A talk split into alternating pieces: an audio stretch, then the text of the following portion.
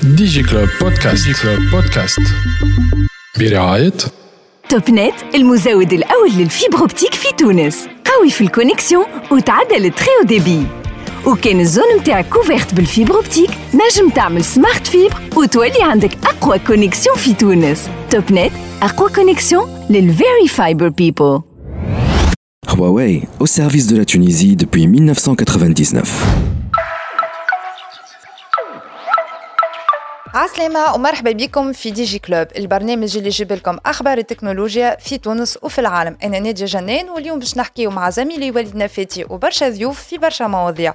والموضوع باش يكون اليوم هو الويفي 6 وباش نحكيو فيه مع سي حافظ بن فاخت من هواوي تونيزي. زميلي وليد باش يستقبل من شيرته هو سي أحمد غربي وعبد الكريم شمام من الساخت باش يحكيو على البلاتفورم سجلني. ومن بعد نرجعوا مع بعضنا باش نستقبلوا آه، مدام وصال عسكري وعبير الكبير التركي من فيوتشر ايلاندز باش نحكيو على لو بروجي الجديد نتاعهم سي سي دي فور تونيزيا ديجي كلوب وتوا موجودين معنا سي حافظ بن فاخد كي اي بي سولوشن مانجر شي هواوي تونيزيا أه ولا تونيزي كيف كيف كيف تري بيان عسلامة سي حافظ عسلامة Alors, euh, aujourd'hui, on va parler Wi-Fi 6. Oui, كان تفسر لنا شنو هي الويفي 6 d'abord Bien sûr. Euh, donc Wi-Fi, c'est la technologie qu'on connaît tous. Le Wi-Fi 6, c'est le nouveau standard. Donc on depuis quelques années à le Wi-Fi Mhm. qui a évolué avec la technologie, avec les besoins des utilisateurs, avec le nombre de terminaux, le nombre d'objets connectés. Donc on a certains besoins qui se sont créés. Donc, euh, avec surtout la transformation digitale, etc. Donc, le Wi-Fi 6, et le nom technique, c'est le, euh, le, c'est un standard, hein. mm-hmm. c'est le 802.11 AX. Donc, qu'on a parlé AC, le Wi-Fi 5. Oui. avec quelques améliorations euh, technologiques, on a parlé le standard Wi-Fi 6. Très bien.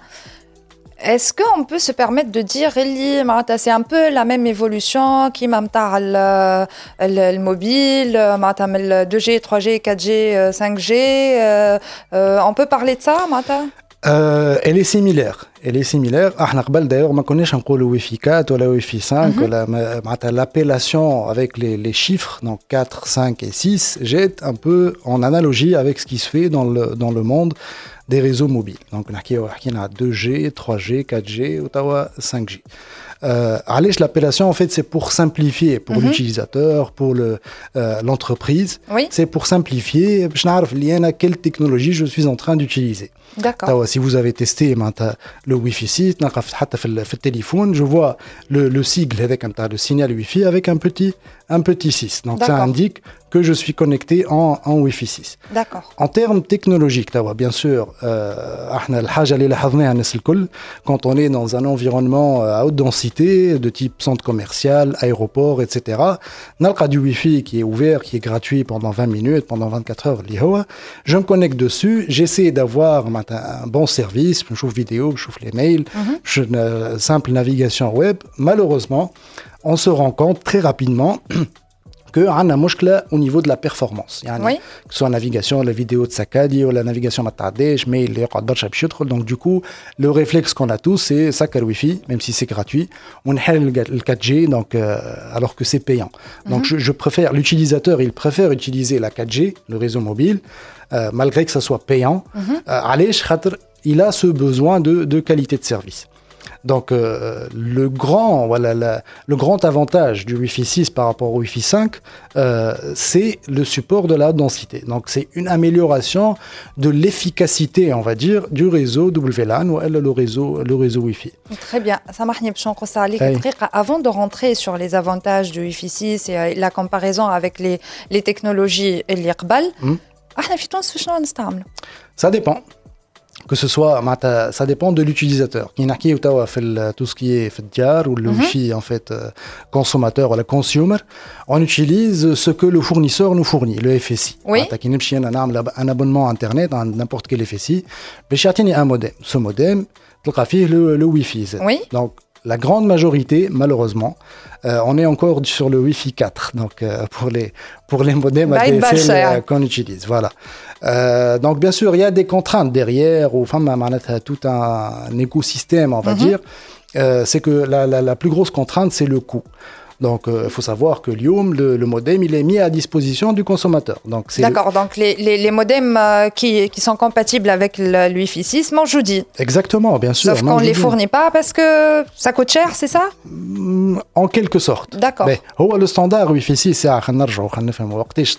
oui. Euh, en fait, il existe, il a été officiellement publié en 2019. Donc on, est déjà à trois ans en fait de cycle de vie de ce standard Wi-Fi 6. En termes de technologie, on parle déjà du Wi-Fi 7. On a le Wi-Fi 6, le Wi-Fi 6E, mhm. enhanced, amélioré, amélioré. Enfin, le Wi-Fi 7 qui déjà, euh, certains constructeurs, par exemple Huawei, a déjà un produit, un point d'accès qui supporte le Wi-Fi 7. Mhm. Euh, d'ailleurs, Huawei, il était parmi les précurseurs en, termes de Wi-Fi. Et même le premier point d'accès Wi-Fi 6, il a été produit par, euh, par Huawei. Après, tous les constructeurs ont suivi. William, en environnement entreprise, donc mhm. les, les, points d'accès qu'on utilise pour les entreprises, le colonne, c'est du Wi-Fi 6. Très bien. D'accord Donc, quand, une entreprise, Ilium, Tram, elle, elle veut, pour, euh, de, de, mettre en place un réseau Wi-Fi, mhm. euh, il vaut mieux qu'elle fasse attention à ne pas tomber dans le piège d'acheter un point d'accès qui ne supporte pas le Wi-Fi 6. D'accord. À la tous les constructeurs, Huawei et euh, les autres constructeurs de l'écosystème en fait technologique, les concurrents, etc. Lyoum, ils fournissent du Wi-Fi 6 et ils ne fournissent plus du Wi-Fi 5. Donc, قليل كان باش un point d'accès Wi-Fi 5 ça veut dire que c'est un point d'accès euh, stock ou euh, quelque part donc il euh, faut faire attention à ne pas tomber dans ce piège. D'accord Très bien. Et euh, pour revenir justement sur l'apport de cette technologie, شنو عجب التجديد par rapport au Wi-Fi 5 ou à au Wi-Fi 4 etc. Ben, اللي جاب التجديد كما قلت لك c'est de 1 une augmentation de la bande passante. قبل كنا في الوي في 5 نحكيو à un point d'accès qui peut aller jusqu'à 1 giga. Mhm. OK, maximum de throughput ولا débit d'un point d'accès نحكيو على 1 giga. اليوم بالوي في 6 يوصل حتى لل 10 giga. Mhm. D'accord bon, bien sûr, le constructeur, il a euh, différentes, euh, différents modèles en fait. Au cool modèle, trafic gamme on peut arriver jusqu'à du 10 giga. Alors bien sûr, Kinarki à la 10 giga, c'est du 10 giga dans un réseau local. Mhm. Bien sûr, je de dire le goulot d'étranglement du lien WAN ou le lien Internet pour le, le cadre des entreprises. Pour le cas des entreprises, Dima, c'est euh, on parle de fibre optique. Mhm. Pour avoir un abonnement très haut débit Internet, ou un abonnement, une ligne fibre optique. Ou une ligne faisceau hertzien euh, qu'on utilise pour la plupart comme un backup. Donc, les débits de fibre optique, nous, le Lyon on peut aller jusqu'à 1 giga pour une entreprise. Sauf qu'en termes de coût, c'est très coûteux. C'est vraiment euh, très, très, très coûteux. Et c'est des abonnements. Donc, c'est des frais récurrents pour l'entreprise. Donc, réellement, l'entreprise, elle doit avoir le besoin qui justifie, en fait, cette augmentation de débit. Ceci étant, quand on a 1 giga, c'est un maximum. Mhm. Alors que le réseau interne, le LAN, le réseau local, on est à 10 gigas avec, avec le Wi-Fi 6. Alors, pourquoi ce gap, on va dire? Euh, Essentiellement pour deux raisons. La première raison, c'est que euh, en fait, le cycle de vie des équipements du réseau local, il est plus rapide mhm. que le cycle de vie des équipements euh, réseau WAN. le backbone, l'opérateur, etc. Donc, je 1 giga vers des débits plus élevés, ça va me prendre plus de temps. D'accord mhm. Alors que le point d'accès, lui, une entreprise, quand elle fait une acquisition, ou elle, fait un planning, d'avoir un projet, un nouveau projet euh, euh WLAN ou la Wi-Fi, c'est normalement en général pour une durée de vie de 5 à 7, voire 10 ans. Il oui. vraiment, on veut extrapoler. D'accord Donc, fait que 10 ans, il y aura vraiment un grand changement au niveau des besoins des utilisateurs. On utilise des applications qui sont de plus en plus gourmandes, voilà, tout ce qui est réalité augmentée, réalité virtuelle. On utilise euh, de la vidéo 4K, 8K, etc. Et ça, c'est assez gourmand euh, en termes de bande passante. Je n'ai le deuxième point, pourquoi avoir besoin du 10 Go en interne? Mhm. Alors, l'entreprise, en général, a son data center qui est local, qui est interne à l'entreprise. Donc, réellement, l'utilisateur, je le data center pour utiliser l'application quelle que soit l'application, il va utiliser le réseau local.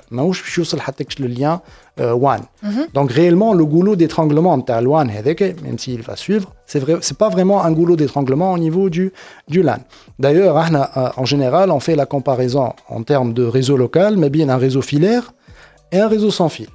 Donc les utilisateurs en filaire, ils sont déjà sur du 1 giga. Quel utilisateur a un laptop ou le PC qui est déjà à, euh, à, une vitesse de 1 gigabit par seconde. Oui. Euh, alors bien sûr, le câble, quand je le connecte à un PC euh, de bureau, PC statique, donc on a les utilisateurs au niveau du réseau LAN, ils installent le réseau filaire qui est déjà à une vitesse de 1 giga pour se connecter à leurs serveurs qui, qui sont installés localement. Mhm. Donc, Lium envoie euh, plus de mobilité des utilisateurs au niveau de l'entreprise. Donc, des laptops où ils, ils bougent, salle réunion, peu importe où dans l'entreprise, mais il veut toujours être connecté au réseau de l'entreprise. Tout à fait. Donc, le, ils aiment une technologie qui lui fournit en fait une connectivité ou des performances réseau similaires au réseau filaire Donc c'est pour ça qu'on parle au niveau du, euh, du LAN d'un débit très élevé. Donc il roule au 10 gigas, alors le point d'accès il supporte un maximum de 10 gigas tous les utilisateurs connectés. Mhm. Donc il pour sur une densité de à peu près une dizaine voire une vingtaine d'utilisateurs qui sont connectés au point d'accès aux alentours donc très proche de ce qui se fait euh, donc euh, dans le réseau filaire. Donc l'utilisateur, je lui offre plus de mobilité avec des performances euh, similaires. Très bien. Est-ce qu'il y a, euh, est-ce qu'il y a d'autres euh, peut-être avantages qu'on pourrait citer avant de passer à la question sécurité Bien sûr.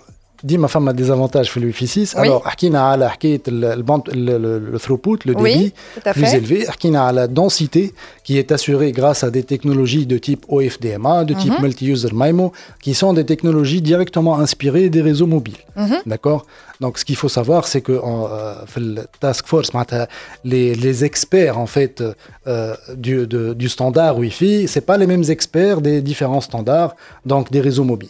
Euh, donc à un certain moment, il y a eu une comparaison. Donc les jmeiat Wi-Fi, allez, chez jmeiat le réseau mobile, ils peuvent avoir une très bonne couverture, que ce soit en indoor ou en outdoor, avec une très bonne qualité de service, mhm. voilà, une très bonne, un très bon débit. Plus la partie capacité. Donc en, en termes de capacité, le nombre d'utilisateurs il, il, est élevé pour les, les utilisateurs réseau mobile, alors qu'en Wi-Fi, on a ce problème qui est là, le nombre d'utilisateurs performance donc on s'est inspiré directement tout ce qui est scheduling ou ordonnancement on utilise ce qu'on appelle l'OFDMA on utilise le multi-user MIMO, mhm. multi, MU, MIO, multiple input, multiple output, au niveau, ça c'est implémenté au niveau du point d'accès.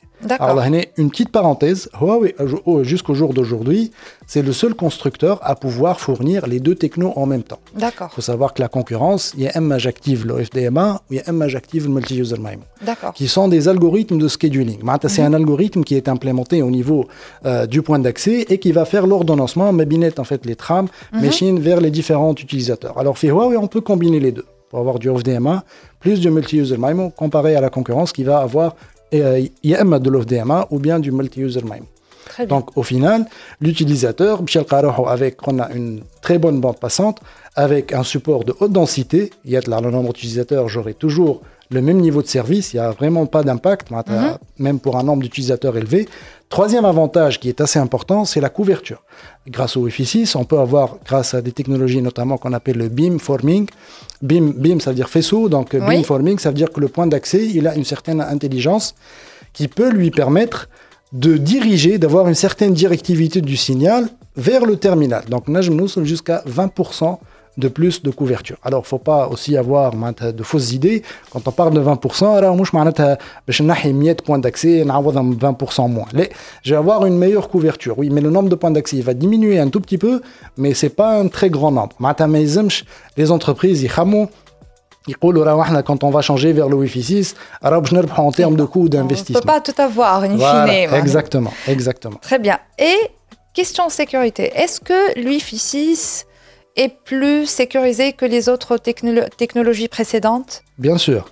Alors, la partie sécurité, il y a plusieurs volets. Mhm. D'accord?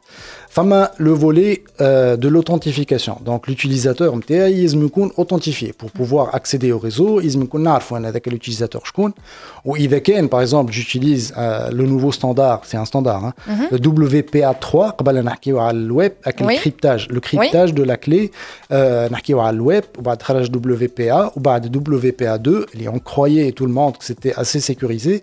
Sauf qu'en 2017, il y a eu une faille. donc au niveau de l'échange des clés, donc je peux déchiffrer euh, le, le, le, mot de passe en fait. Et un utilisateur non autorisé n'a jamais accédé. Donc grâce au WPA3, on arrive à avoir une sécurité, on va dire, on à 100% de sécurité, on dit jamais ça, on va dire 99,99% de sécurité. Grâce le risque zéro n'existe pas, de toute façon. Exactement. Euh, ce qu'il faut savoir, enfin, deux points très importants. Quand on parle d'un standard de type WPA3, il faut que ça soit supporté des deux côtés. Bien sûr, c'est supporté au niveau du point d'accès, mais au niveau du terminal, il faut que ça soit supporté. En général, euh, c'est l'éditeur de le système d'exploitation, l'OS, quel que soit le type d'OS, il charge des patchs pour les OS Qbal 2017, charge des patchs pour supporter le WPA3. Et sur Windows Bien sûr, sur, euh, charge des patchs sur Windows, les anciennes versions. Donc euh, Windows 7, Windows 10, charge un patch. Pour les nouvelles versions, déjà, il est implémenté le WPA3. D'accord. Et les systèmes Android, les téléphones Exactement la même chose. Donc, euh, de toute façon, au niveau Android, on a toujours des mises à jour système. Oui. On ne se pose pas la question, c'est gratuit, on fait l'upgrade mhm. directement. Donc, avec les, parmi les patchs, parmi les patchs qu'on a pour Android, le WPA3, il est, il est installé. Très bien. Alors, tu as fait les avantages, etc. Et mm en tant que entreprise. On ne va pas parler des particuliers, on y reviendra peut-être plus tard. Parce que mhm. de toute façon, en lien avec euh, la transformation digitale, euh, les, appareils intelligents, etc., mm certainement, on va se retrouver un jour ou l'autre avec des, des, téléviseurs connectés. Bon, ça existe déjà, des, des, je sais pas, des lave-linges, des réfrigérateurs euh, intelligents, peut-être les thermostats, etc., tout ce qui est domotique en tout cas. Oui. Et probablement en tant que particulier, on en aura besoin oui. Mais au niveau des entreprises, Elium, qu'est-ce que cette technologie, elle peut m'apporter euh, Elle peut apporter à mon business? Alors, bien sûr, hein, le, réellement, il y a une difficulté à mesurer en fait ce lien, mm -hmm. la technologie ou le business. Tout à fait. Dima, c'est pas évident. Mais je vous donne l'exemple de, de l'entreprise dans laquelle je travaille. Mhm. Donc Huawei.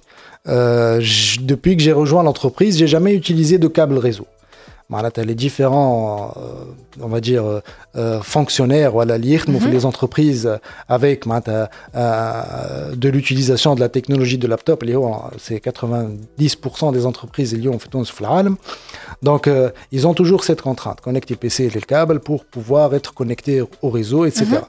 Donc, on, utilise réellement des applications de type messagerie instantanée. En fait, on a une seule application dans laquelle on peut tout trouver. Donc, on dit la messagerie, on dit le mail, on dit le calendrier, on dit je reçois les, les, les, appels téléphoniques d'autres bureaux à Huawei. Euh, je peux émettre des appels téléphoniques, je peux rejoindre une réunion mhm. à, travers cette application. Donc, cette application, elle est installée sur mon smartphone. Et le smartphone, donc j'ai besoin qu'il soit connecté. D'accord? Donc, réellement, ça va m'aider à améliorer la productivité de mes collaborateurs. D'accord Très bien. Alors, un point très important je n'ai le, le, le, le, projet WLAN ou le projet Wi-Fi d'une entreprise. Comment mhm. ça se passe Alors, en général, on a ce besoin d'avoir du Wi-Fi. Bien sûr, dépendamment des entreprises, euh, Famalium, surtout, euh, entre guillemets, entre parenthèses, on va dire, le secteur financier, dit quelques craintes par rapport à la composante sécurité du Wi-Fi. Oui. Donc, les banques, les assurances, etc. Mais c'est un du Wi-Fi pour leurs collaborateurs. Allez, je un risque de sécurité. Mhm.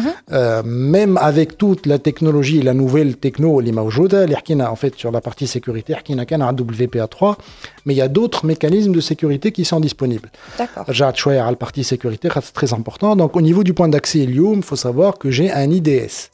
WIDS, un Wireless Intrusion Detection System. Donc le point d'accès, il est capable de détecter éventuellement une intrusion. Mhm. Donc un un pirate, il a par exemple hein, une des techniques, c'est de faire un, rogue access point. Rogue access point, c'est le pirate qui va diffuser un SSID avec le même nom. Un une banque X, euh, le SSID par exemple pour les les, les guests, c'est guest bank X. Donc, il si le pirate, il va diffuser à partir de son laptop, hein, de, les gadgets, le même SSID. Mhm. Donc, les clients de la banque, ou les guests de la banque, les supposés, ils le SSID de la banque, ils vont trouver le même SSID, en général, ouvert. Donc, ah, on aime tout ce qui est ouvert, donc pour se connecter sans demander quoi que ce soit. Balouchi. voilà. Donc, il réellement, il est connecté au PC du, euh, du pirate. Du pirate. D'accord. Donc, il va saisir toutes les informations euh, que l'utilisateur il va envoyer. Donc, le point d'accès, il implémente une technique pour détecter. En fait, le, le pirate, il est obligé de mettre dans le même rayon que le point d'accès. C'est comme ça que le point d'accès, il peut détecter ce, cet SSID. Il peut envoyer, il peut neutraliser le, le SSID du pirate et envoyer au terminal, comme euh, cet SSID, c'est un SSID rogue. Ne vous connectez pas dessus. Donc toute cette communication, elle est transparente. Donc pour les utilisateurs, NHN, NRA, NRA réellement sur mon terminal, euh, smartphone par exemple, donc je vais voir euh, SSID euh, guest bank et un autre SSID euh, avec un point mhm. d'exclamation. Attention, cet SSID euh, n'est pas n'est pas net. Il y, a, y a quelque chose qui cloche au niveau de cet SSID. D'accord. Avec le mécanisme de sécurité implémenté au niveau du point d'accès. Ce qui est clair, c'est que avant que l'Wi-Fi 6 arrive, et je vais plus jamais me connecter à un Wi-Fi gratos. c'est important. Surtout, il y a beaucoup de failles là, les les anciens standards, les anciennes technos qui ont été exploitées euh, dans ce sens. Surtout pour les, les, environnements en couloir euh, public. Mhm. Euh, Fimatar, mm centre commercial, etc. Il va collecter les informations. Il s'en fout de ce qu'il collecte. Matao Arti, il collecte de l'information, après il trouvera pourra, certainement quelque chose à exploiter, in fine. Voilà, exactement. Le but, c'est de collecter l'information. Euh, une autre, un autre volet aussi très important, c'est le cryptage de la communication entre le point d'accès et le réseau, d'une façon générale. Euh, en particulier, euh, un équipement qui c'est, euh, qu'on appelle le contrôleur, c'est lui qui, va contrôler tous mes points d'accès. Donc, ce qu'il faut savoir, c'est que fait le réseau Wi-Fi et WLAN, on a deux schémas. Ou bien j'ai des points d'accès standalone. معناتها يخدم هو وحده un point d'accès il est directement connecté au réseau والترافيك يتعدى بالبوان d'accès ويخرج الانترنت ولا يمشي للسيرفر. عندي un autre schéma qui- qu'on appelle euh, le, le point d'accès léger. Elle a fait Huawei, on appelle ça FIT.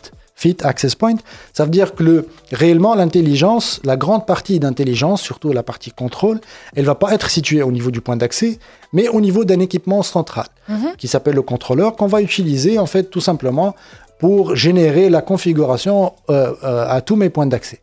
Un exemple, une entreprise qui a 200 points d'accès, elle va pas, l'IT, il va pas s'amuser à configurer les points d'accès un par un. Donc il va juste configurer le contrôleur, quoique le contrôleur avec le config partout.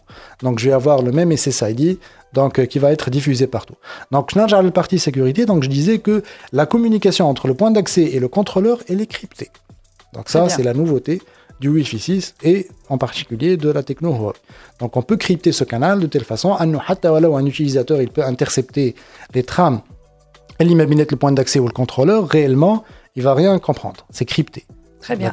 Et est-ce qu'il y a des démarches euh, en amont à faire pour une entreprise, pour implémenter ce genre de projet, peut-être? Bien sûr, bien sûr. Alors il y a des étapes euh, bien connues euh, donc par l'écosystème de partenaires. Donc juste, j'ouvre une petite par- parenthèse. En fait, nous, en tant que constructeurs, on travaille pas directement avec les clients finaux, les entreprises. On a tout un écosystème de partenaires. Et l'IHOMA, il s'occupe de la grande partie en fait de delivery réellement. Euh, donc la première étape, on appelle, euh, on appelle ça le site survey. Site survey fait deux phases. On a une phase euh, simulation, on a une phase test sur terrain. Donc la phase simulation, on utilise en général les inputs du client, les home le plan de l'établissement, de la, quelle est la partie à couvrir, combien d'utilisateurs j'ai, ou par utilisateur, voilà, quel type d'application je vais utiliser. Donc, les, euh, une fois on a toutes ces données, on pourra les importer mhm. sur une application cloud qui est mise à disposition par Huawei à tous, les, euh, à tous ses partenaires. Donc, euh, cette application, elle va, elle va nous permettre, à partir du plan, de faire une détection automatique grâce à des algorithmes d'intelligence artificielle, euh, en l'occurrence, détection automatique des obstacles. Il faut savoir que quand on parle de Wi-Fi, la contrainte la plus importante, c'est l'obstacle. Ah, La hiout, et c'est le type d'obstacle.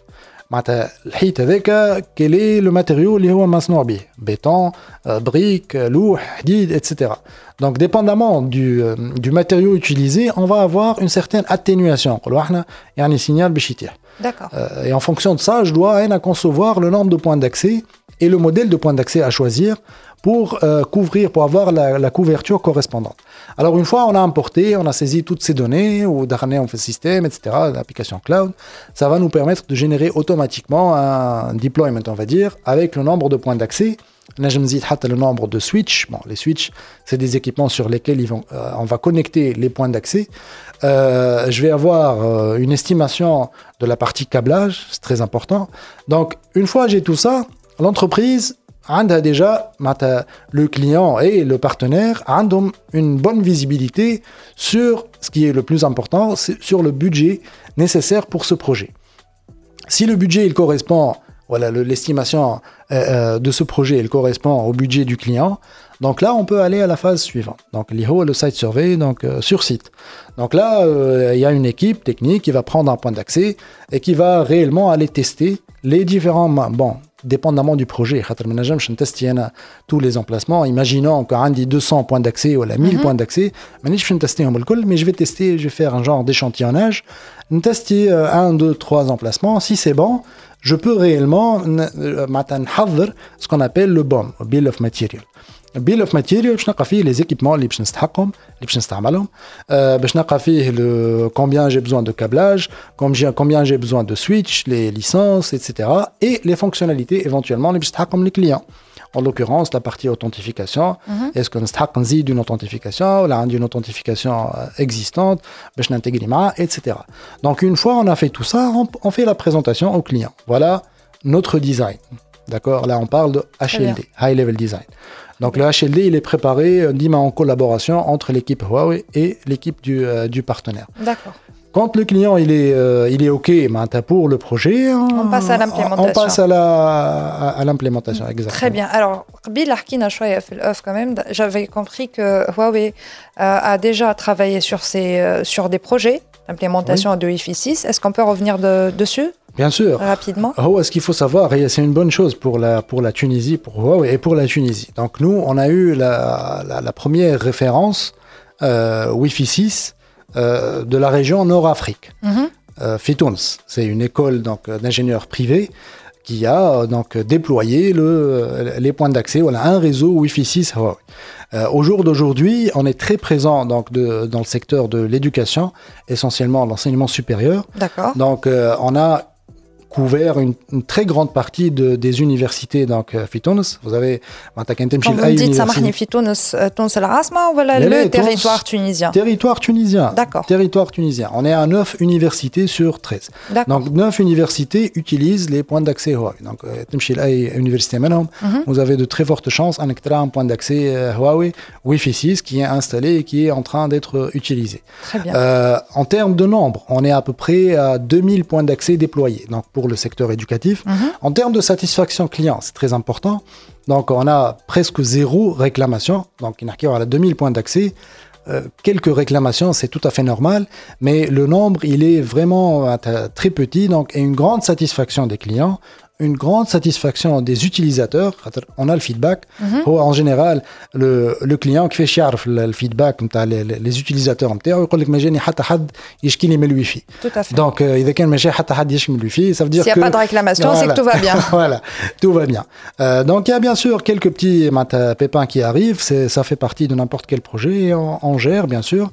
Euh, point très important pour Huawei, on a le centre de support qui est situé en Tunisie. Euh, on appelle ça le TAC le Technical Assistance euh, Center. Donc, il est situé en Tunisie avec une équipe de Tunisiens. Donc, le client qui a ce téléphone, il a des Tunisiens, donc, euh, Ça, c'est très important. On est, on est très proche de nos clients et euh, ça aide les clients, ça les rassure. Bien sûr, ça les rassure. Alors, c'est donc là, on a fait pratiquement le tour des avantages et de l'apport éventuellement de, de la Wi-Fi 6. Est-ce qu'il y a des bonnes pratiques, Iliou, qu'on peut euh, aborder peut-être pour euh, conseiller l'abed خاطر فما ساعات ما نعرفش انا نجي نقول لك باغ اكزومبل حطيت الروتور نتاعو الموديم نتاعي في تل بلاصه و باغ اكزومبل في الصاله وفي اخر الدار من غاديكا سا كابتو با اسكو فما حاجات بتيت نجم نعملهم قبل ما نمشي نشري ان ريبيتور نركبه في البلاصه هذيك Bien sûr. Donc, oh, ce qu'il faut savoir, c'est que l'emplacement du point d'accès ou du modem qu'on a à la maison est très important. Allez, en fait, la couverture qu'on a, Dima, en général, hein, pour les antennes omnidirectionnelles, donc ça rayonne dans tous les sens autour du point d'accès. D'accord Donc c'est comme si c'est une sphère autour du point d'accès. Donc, donc si on va mettre le modem à l'extrémité du local, que ce soit une maison, une entreprise, etc., voilà le, point d'accès. Donc réellement, je n'ai le signal et l'image donc vers le voisin. plutôt, c'est ça Vers le voisin. Alors, en termes de, de bonnes pratiques, ce qu'il faut savoir, c'est que l'emplacement du point d'accès, euh, il est très important. Donc, quel est le meilleur endroit pour placer mon point d'accès. Qui fait le signal autour du point d'accès euh, et qui fait qu'on. Donc, en général, il y a grosso modo une sphère autour du point d'accès. C'est des antennes qu'on appelle omnidirectionnelles. Mhm. Bon, bien sûr, y a d'autres technologies qu'on appelle les antennes directionnelles. Donc, il va m'envoyer le signal vers une direction donnée. On on fait certains, certaines configurations. Mais pour tout, tout, ce qui est omni, tout ce qui est consumer, ou les points d'accès, on va dire, euh, euh du marché, il y a des antennes omnidirectionnelles. Donc, euh, le rayonnement, voilà, le signal du point d'accès, tout autour du point d'accès. Donc, mhm. je connais au centre et le signal MTA tout autour. Donc, si je place mon point d'accès à l'extrémité, réellement, a une perte de signal et je vers le voisin ou vers le vers l'extérieur d'une façon générale.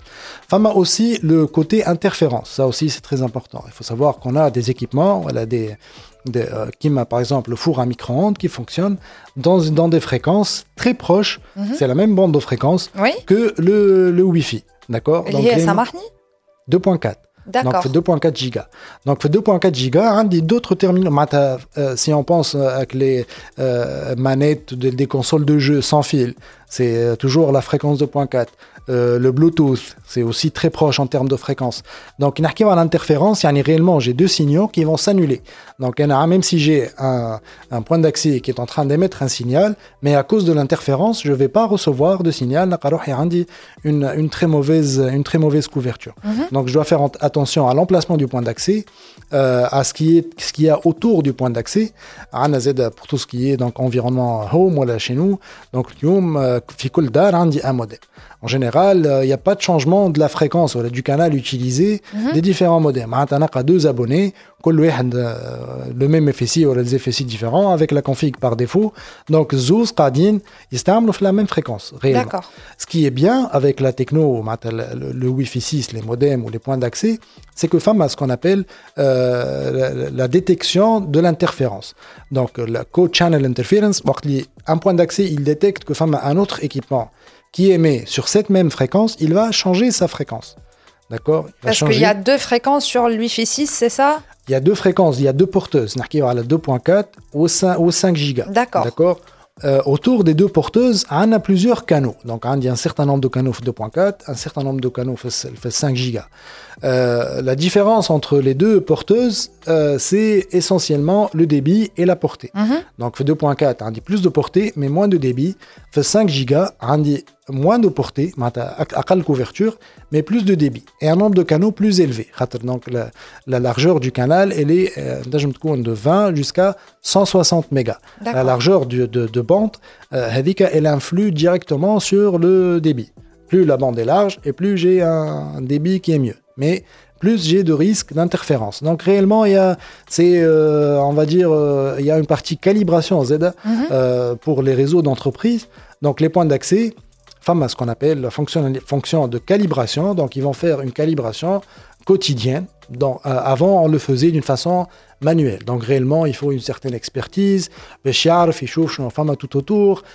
les informations donc, euh, euh, du canal monitoring, donc au niveau des points d'accès, on a une fréquence de monitoring. Donc à l'écoute en fait de tout ce qu'il y a autour, il serait mieux de changer cette fréquence, de ne plus utiliser cette fréquence, etc.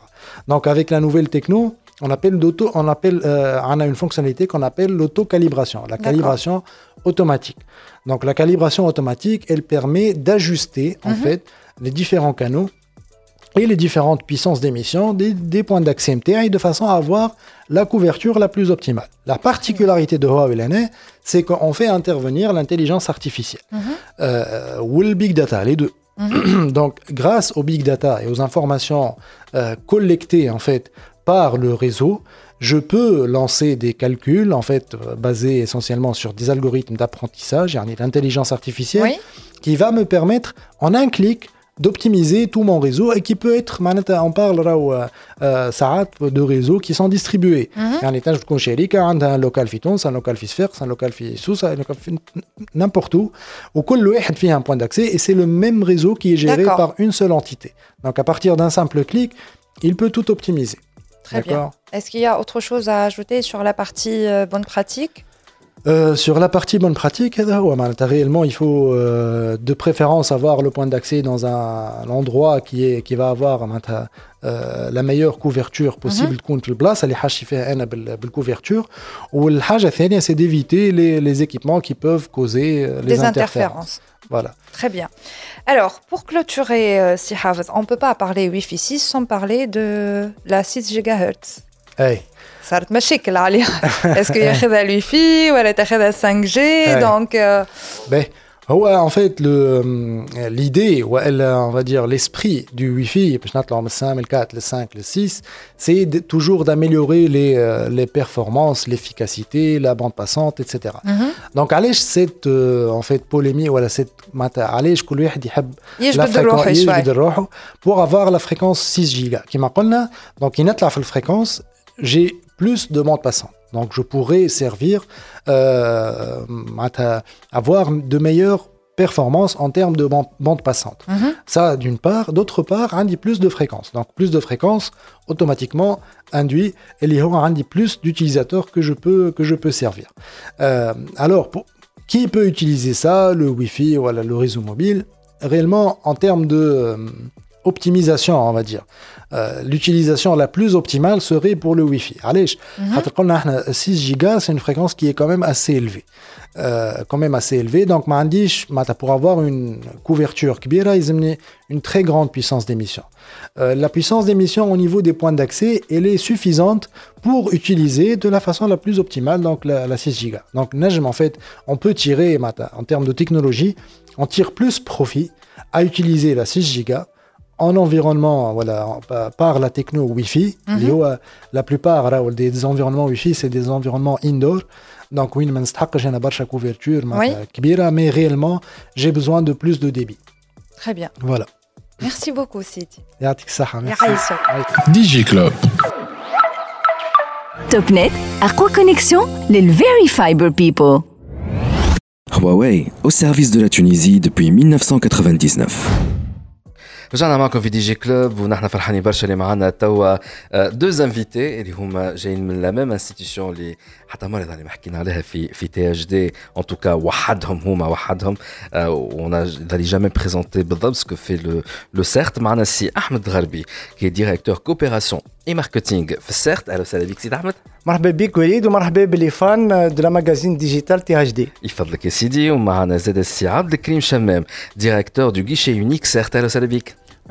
عايشك مرحبا بك ونشكرك على الدعوة مرة أخرى. عايشك يا سيدي. ان توكا شرفتونا نحن اليوم في تي جي كلوب آه كما قلت فرصة باش نحكيو على السيرت على خاطر سيدي أحمد نحن ديما نتقابلوا يظهر لي في لي زيفينمون على الناسيونال اي بارفوا على الانترناسيونال جامي رياليزي اللي أنا عمري ما حكيت على شنو تعمل السيرت كوم سيرفيس اتسيتيرا سي فري كو وصلنا حكينا على السيرت دان بوين دو في سجلني بيسكو سيرت هو لو بورتور دو بروجي سجلني باش نرجع عليه ديجا مع سي عبد الكريم من بعد لكن قلنا خلينا نستغلوا الفرصه دي باش نحكيو على شنو هي السيرت ديجا السيرت باللغه العربيه هي مركز الدراسات والبحوث الاتصالات فوالا سونتر ديتود دو ريشيرش دي تيليكومونيكاسيون ان فرونسي فوالا هكا عندكم المعلومه كامله شنو هو السيرت يظهر لي تعرفوه بلوز او موان مي خلينا نزيد نفسروها اكثر الحكايه سيدي احمد شنو هي السيرت دونك لو سيرت كما ذكرنا سي لو سونتر ديتود دو ريشيرش دي تيليكومونيكاسيون هي مؤسسه عموميه تحت اشراف وزاره تكنولوجيا الاتصال لو سيرت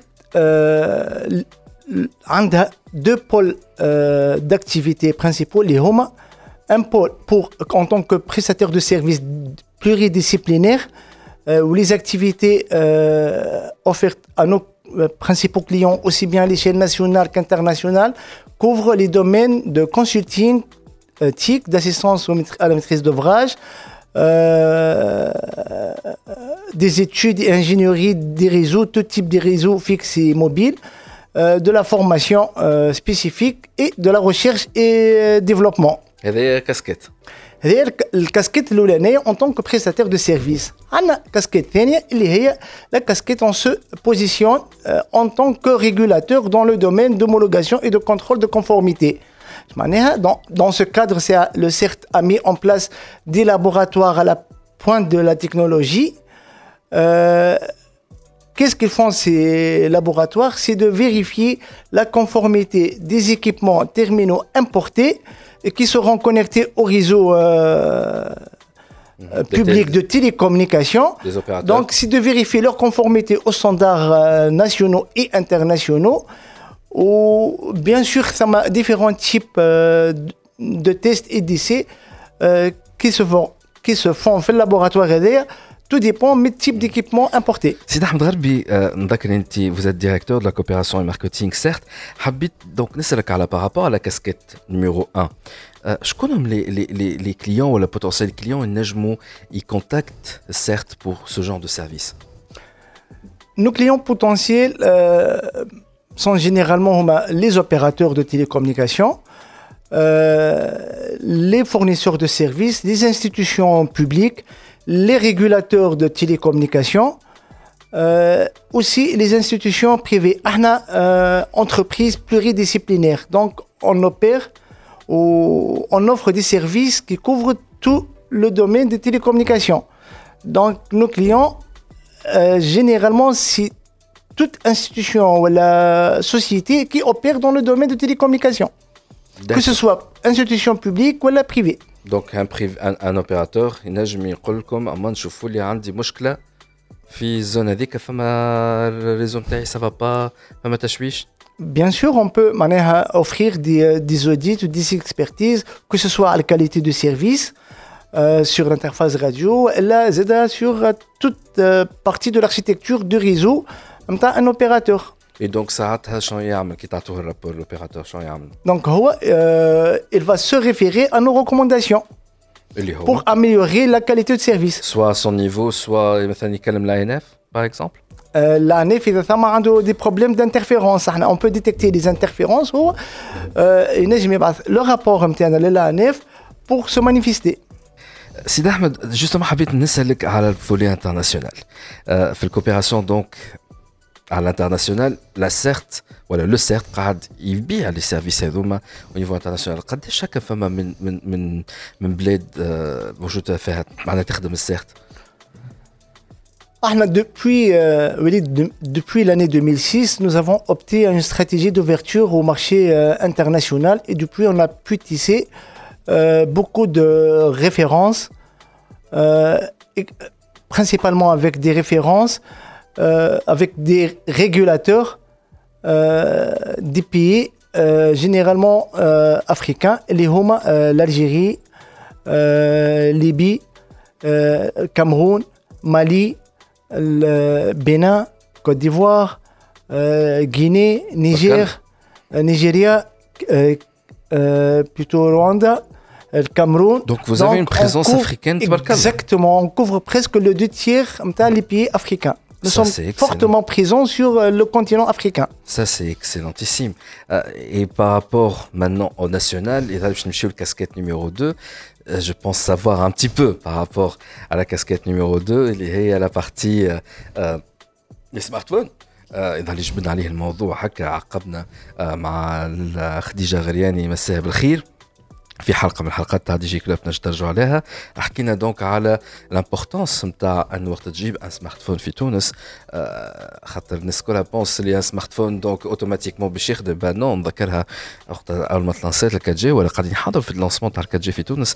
مشيت للسوق مصوبي دونك شفت واحد من التليفونات سيتي ان بون سمارت فون دورت نلقى لا فريكونس لي بوند فريكونس اللي تخدم عليها لا 4 جي التليفون هذايا معناها فما كين بوتيت بوند بركة كونسيرني بار لا تونيزي لي زوتر يخدموا فيها يظهر لي اكثريتها في الازي حاجة كيما هكاك ساعتها يافي كيلكان كوتي دو مون قلت له شوف هنا فما مشكله سمارت فون تحفون وكل شيء اللي باش يشريه معناها باش تكعبر له من الآخر وقت تلانسا 4 جي باش يخدم له في بلايص وبلايص لا دونك خاطر هو جوستومون كليرمون جاي كونتر كان جاي متعدي على السيرت راهو ما يدخلش تونس Exactement, euh, Willy. Donc, هذيك هو l'objectif إحنا le casquette 2 en tant que régulateur de conformité et d'homologation. Donc, ahna, ما نحكيوش كان على سمارت فون نحكيو على اي équipement terminal qui sera connecté au réseau public de télécommunications ou اي équipement اللي باش تدخل لتونس qui sera exploité dans le réseau de télécommunications, il doit être soumis à l'homologation, au contrôle de conformité ou des essais laboratoires, les laboratoires MTN, laboratoire d'homologation et de conformité. L'objectif, c'est علاش التليفون 4G اللي كنت تحكي عليه مش باش يخدم في بلاصه او بلاصه ليه ومش باش يخدم L'objectif principal, c'est pour protéger le consommateur, protéger le spectre national tunisien euh, euh, mais les interférences, l'utilisation illicite, euh, protéger le réseau des opérateurs et offrir une qualité de service, euh, une bonne qualité de service aux utilisateurs. Donc, c'est l'objectif principal de l'ICC vous avez cette comme démarche, c'est que vous voyez les fiches techniques et vous voyez si c'est conforme aux normes et aux standards. Par exemple, pour, le, pour la question les fréquences, Tunis a ses bandes de fréquences le Nord-Afrique, on est bien d'accord. Euh, et donc, est-ce que le fiche technique, ça, ça correspond aux standards internationaux, les zones n'est-ce pas Exactement. Si ce n'est pas le cas, تقولوا اسف ما نجمش نقبل لك البرودوي هذا donc ما نجمش يدخل تونس. C'est en gros comme ça.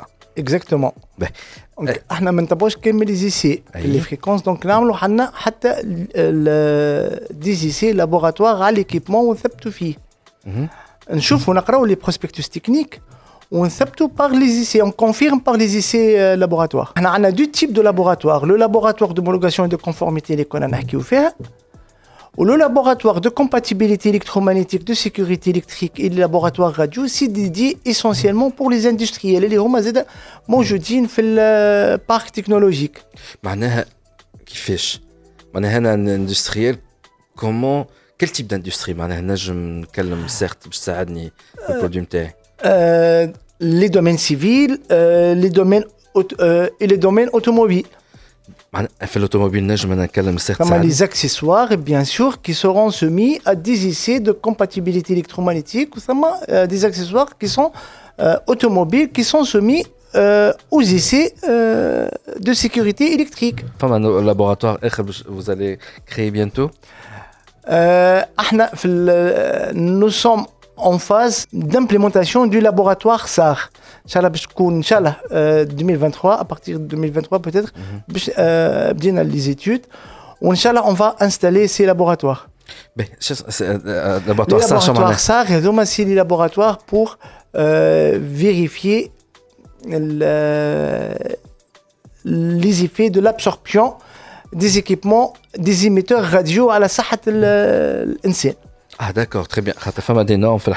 Bien sûr, en se référant aux normes internationales euh, fixées par l'OMS et par les organisations internationales de recherche fait domaine Donc en fait, vous n'allez pas baser à la vous allez le mesurer en laboratoire, euh, bien sûr. respecte le rayonnement et tout ça. Voilà, c'est pour protéger les personnes. Actuellement, le domaine le domaine de vérification euh, de l'exposition du public au rayonnement non ionisant, les تسميوها هكايا معناها تكنيكمون نعملوا دي ميزور ان سيتيو سي بور فيريفي بور لي زيميتور راديو موبيل اللي نشوفوهم توا لي زونتين هذوما والبوليميك الكبيره اللي قاعده صايره في العالم وفي تونس دونك احنا عندنا لي مويان نيسيسير قاعدين نخدموا فيهم توا مع لي زوبيراتور برينسيبالمون بور نعملوا دي ميزور بور فيريفي اسكو لي زيميسيون نتاع لي زونتين sont conformes aux normes internationales par bande ou elle Très bien. Ou pour vérifier les éventuels effets nocifs à la santé du public. Très très bien. En tout cas, Sid Ahmed, merci beaucoup pour toutes ces informations-là. نحن مازال مش نحكيو على السيرت واش نحكيو توا على سجلني وشنو هي اللي عملت سجلني سي كوا ديجا لا بلاتفورم سجلني pour ceux qui n'ont pas encore entendu parler de سجلني mais كله بعد لا بوز احنا راجعين دي جي كلوب توب نت اقوى كونيكسيون للفيري فايبر بيبل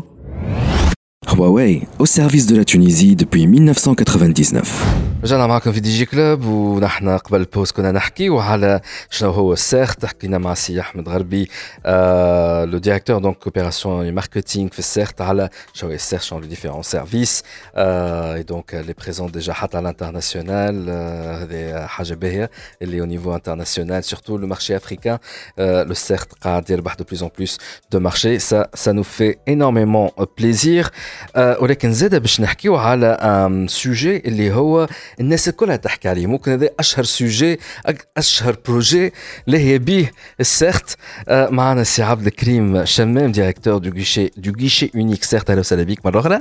عايشك بارك الله فيك. دونك كتنجم تحكي لنا على سجلني اللي مازالوا ما سمعوش بسجلني. C'est un projet déjà porté par le CERT. ماهوش البروجي نتاع السيرت خاطر قبل سيتي ان بروجي بورتي بار لي ان تي كمانيش غلط ومن بعدها لو بروجي الكل لا ميز اون بلاس كلها سي سيرت اللي تلهت بيه سي سا جوستومون سي سا وهذا بالطبيعه راجع للي تكست ريغلومونتير خاطر آه، بالنسبه للسيرت مركز الدراسات والبحوث الاتصالات هو المخول باش يقوم بعمليات المصادقه والمطابقه والمراقبه الفنيه دونك سي لومولوغاسيون لا كونفورميتي et le contrôle technique des équipements de télécommunication et bien sûr cela c'est euh, selon la loi numéro 1 اللي معروفه هي بالكود نتاع التليكومونيكاسيون اللي خرجت في 15 جانفي 2001 euh, هذه في l'article 32 نتاعها donc il stipule que tout équipement de télécommunication doit être homologué au préalable que ce soit qu'il est معناتها مربوط بالشبكة نتاع الوطنية للاتصالات وإلا ماهوش مربوط إي بيان ايفيدامون لي زيكيبمون راديو دو تيليكومونيكاسيون هذا علاش معناتها قانونيا السيرت هي المخولة باش تقوم بالمنظومة هذه سجلني. سجلني اللي هي التسمية متاعها الأصلية هو سجل مركزي لمعرفات الأجهزة اللي فيها معناتها الكارت سيم معروفة كوني سو لو نون دو سجلني المعرف هذايا السجل هذايا هو شنو؟ سي سي أو ار سي ان معناتها كيما قلت سجل المركزي ناخذوا المعرفات نتاع الأجهزة الطرفيه هذه اللي قابلة باش نحطوا فيها شريحة كارتسيم المعرف هذايا اللي هو معروف بالاي ام اي انترناشونال موبايل اكويبمنت ايدنتيفيكيشن هو معرف وحيد في العالم يعني uh, تليفون وقت البلاصة اللي تحط فيها سيم هذيك فيها ان ايدونتيفيون اونيك اونيك في العالم. أه إحنا المنظومة هذه معناتها أه سجلني أه منظومة فيها برشا أه شركاء معنا بيان سور لي زوبيراتور معنا المينستير دو لانتيريور كيف كيف من ضمن الشركاء نتاعنا فما لاجونس ناسيونال نتاع السيرتيفيكاسيون الكترونيك اي لاجونس ناسيونال دو سيكوريتي انفورماتيك وبيان افيدامون بالنسبة لحمايه المعطيات الشخصية هما كيف كيف شركاء معنا يس ومتحصلين بالطبيعة إحنا على الترخيص من هو لو بوت في الفينال نتاع السجل ديجا متلانسي كان في تونس خاطر فما شكون سألنا قال يا أخي متلانسي كان في تونس لو سيرفيس كي من هذايا. فما بلدان أخرين لانسينو فما برشا فما برشا بلدان وإحنا ما قمنا بالهدايا لما عملنا معناتها دراسة وقمنا بمقاربات وشفنا معناتها التجارب نتاعهم وشفنا النقاط اللي ما معناتها خلات البروجي هذا يفشل ونهي النقاط اللي خلاته ينجح. أه نذكر على سبيل المثال مثلا في لبنان البروجي هذا ما نجحش. أه علاش؟ على خاطر ايزون ابليكي معناتها لو بلوكاج دو تو لي تيرمينو من غير ما يعطيو اون بيريود نقولوا إحنا دامنستي بيريود اللي إحنا عندنا شهرين في تونس أول ما تدخل السمارت فون من برا سي سا إحنا أول ما بدأ البروجي بدينا الكوميونيكاسيون في آخر 2020 سيتي لو موا دو ابارتير من الموا دو سبتمبر اكتوبر 2020 بدينا في الكوميونيكاسيون وقلنا كونه معناتها كل الهواتف هو توا سا كونسيرن الهواتف الجواله ولي تابليت دونك التليفونات ولي تابليت مبدئيا ثم باش نعموه أيوه لكن أنت تجيب وتقعد شهرين حتى كان ما تسجلش يقعد يخدم.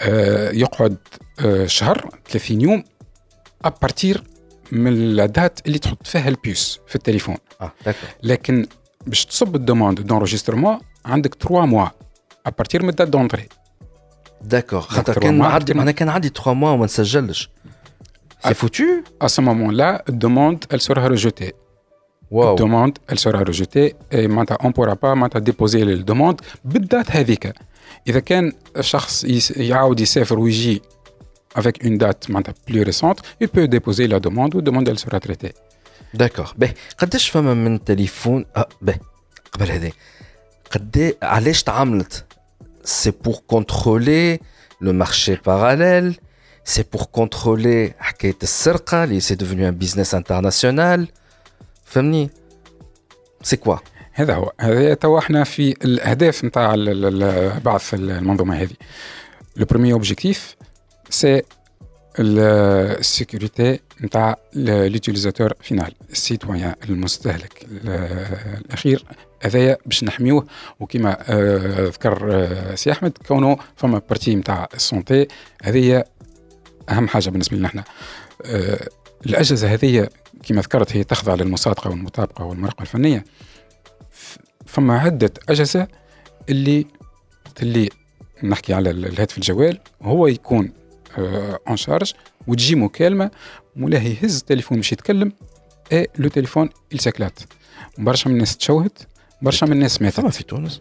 صارت في تونس صارت في ترشق تليفون. ترشق تليفون. على واحد. وقت اللي وقت اللي التليفون يبدأ الي اون شارج سي كوم سي فوز افي ديكلونشي اون بومب مالوريزمون هذوما معناتها ils ne sont pas conformes للي نورم انترناسيونو وناسيونو دونك سجلني تهدف أنه كانوا كونترفي ما تسجلوش معناها جوستومون التليفونات الكونترفي وقت اللي مواطن يجي باش يصب الدوموند لو سيستيم il rejette automatiquement la demande معناتها لو تليفون نو بورا بلو اكسيدي للريزو تاع تيليكومونيكاسيون نتاع الدوله هذا بالنسبه للتليفونات كونترفي آه بالنسبه توا هذا الهدف الاولاني قلنا هو حمايه المستهلك آه الهدف الثاني كيف كيف نحاولوا نقلصوا هنا نقول نقلصوا خاطر ما نجموش نقضيو على الظاهرة نتاع السرقة. نحاولوا نقلصوا من الظاهرة نتاع السرقة ونحدوا منها اللي هي تفشات برشا عندنا مالوريزمون في تونس السرقة والبراكاجات والخطفة نتاع آه التليفونات نحاولوا نحدوا منها. وهذايا وقت اللي آه مواطن المتضرر تصير له معناتها عملية نتاع سرقة يبلغ السلطات المعنية وهما وضعنا لهم على ذمتهم امويا معناتها تكنولوجيك باش يبلوكيو ولو اني ما نحبهاش الكلمة هذه لكن المتعارف كونه العباد يقولوا سيرت البلوك باش يبلوكيو التليفون. ولكن أنا نحب نقول إنه بورا با أكسيدي للريزو نتاع التليكومونيكاسيون. خاطر التليفون هذايا اللي تهزوا لأي بلاد أخرى ما فيهاش سيستم كيما هذا ينجم يقعد يخدم. لكن في تونس إنه بورا با أكسيدي للريزو.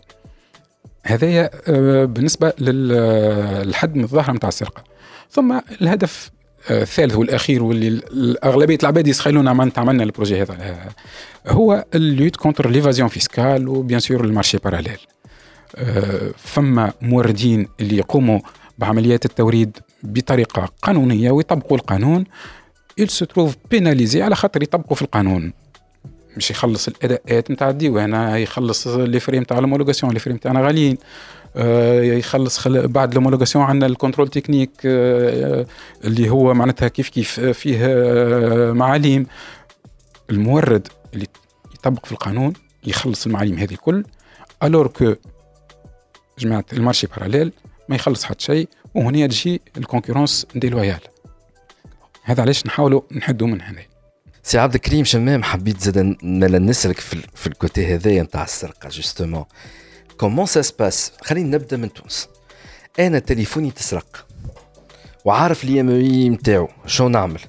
اسكو ندخل على البلاتفورم سجلني وعندي وين جو ديكلار ولا نمشي للسيرت كومون جو دوا فير هنا البروسيدور هي واحد يتصل بالسلطات الأمنية يمشي لمركز الشرطة يبلغ يقوم ببلاغ كونه الهاتف نتاعو تسرق يعطيهم المعرفات ليزيامية نتاع الهاتف وهما وضعنا لهم على ذمتهم لو مويان تكنولوجيك في دونك عندهم اون انترفاس بور بلوكي اليمين هذيك.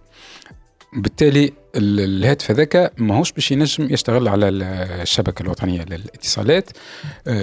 اي دوكو إحنا اون استيمي كو الفالور نتاعو التليفون هذاك معناتها الفا باش تنقص معناتها بالكدا كونسيديربلمون بالتالي زاد السارق باش يولي ما عادش ينجم يبيع ولا حتى كان مش يبيع باش يبيعوا بسوم معناتها آه رمزي جدا ويولي ما عادش آه معناتها يسرق الهواتف الجوال هذه خاطر التليفون ما نجموش نتكلموا به تقريبا ما يصلح لشيء. يعني كمان باش تقعد تلعب به ما تنجمش. آه هذا ماذا؟ دون سو كالا كان أنا يجيني يتسرق تليفون في فرنسا باغ اكزومبل ويجيني كادو.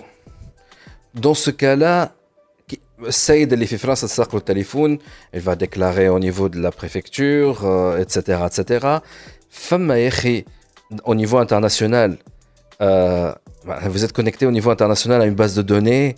فيها انه الليغال ماهوش ليغال وانه المسروق والمش مسروق جوستومون إحنا برمي زاد نو بارتنير عندنا لا جي اس ام اللي هي هذه المنظمة دي اوبيراتور تليفونيك هي الوحيدة المخولة باش تعطي اكليزيامي نتاع الهواتف الجوالة.